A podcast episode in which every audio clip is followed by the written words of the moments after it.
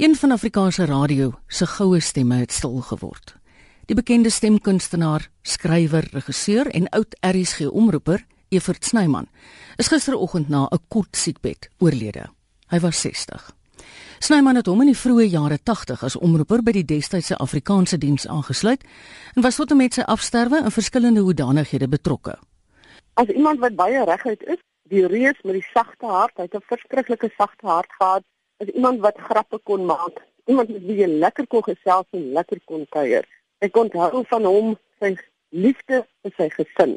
Sy gesin is sy alles gewees, veral sy twee kleindogters ook. En hy het 'n vreeslike passie vir sy gesin gehad, maar hy het baie baie veelvuldig gewees.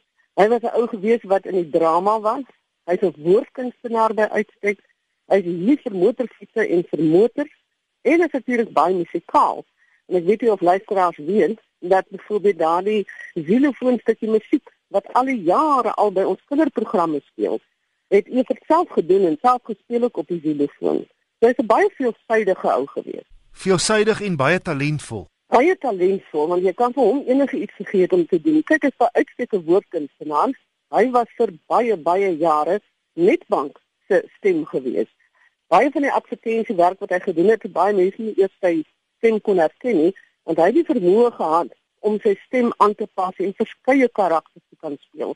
Een van die stories wat hy gelees het, hy sal van die kleinste karaktertjie tot die wreedste tot die grootste uh, karakter gespeel het.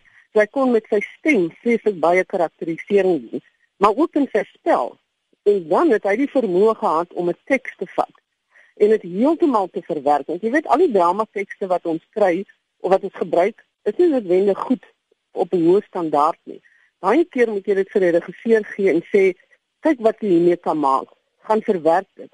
En dit was by uitstek 'n talent van Evert gewees dat hy 'n swak teks kon vat en met die verwerking en die regte keuse van akteurs en die regte regie en byklanke dit na 'n fantastiese teks op lig kon verwerk.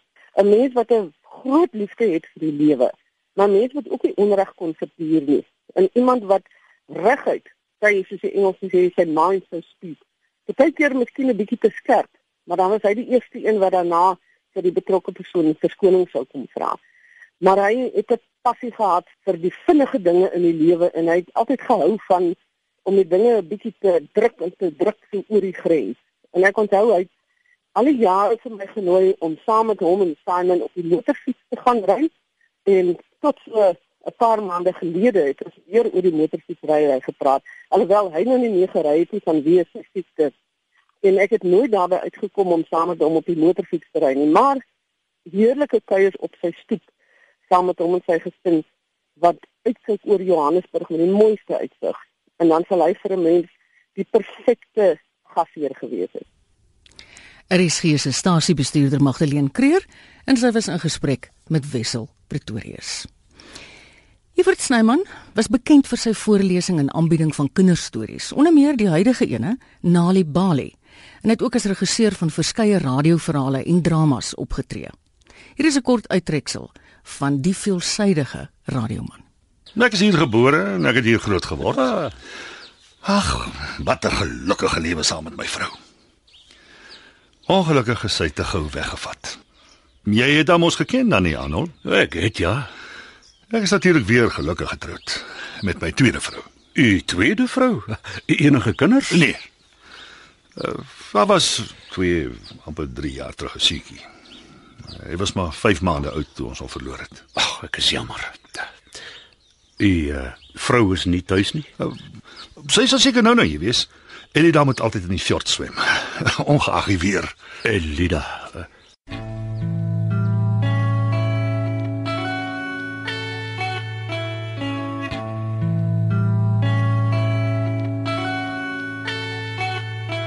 Die tegniese span is Skalk Foster en Evert Snyman Junior. Hotel Elizabeth, 'n tweede kans, word geskryf en opgevoer deur Marie Snyman.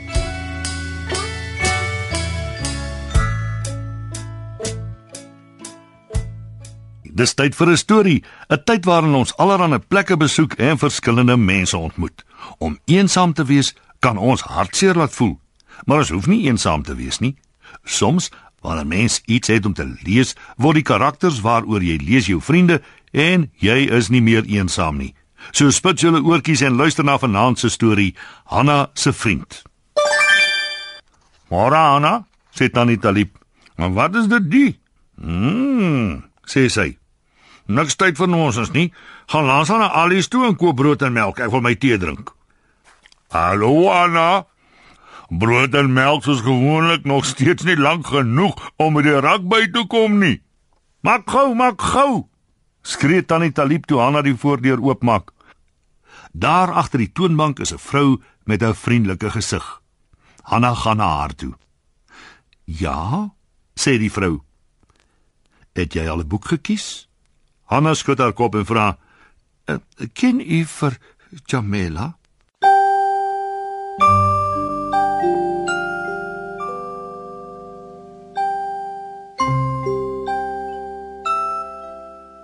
Dis weer storietyd maats en ons lees verder van Melina. Melina sing 'n noot deur Nathaniel uit ons boek rondom taal stories deur Afrikaanse kunstenaars.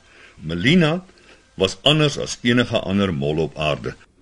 Die verskillende stemme van Evert Snyman.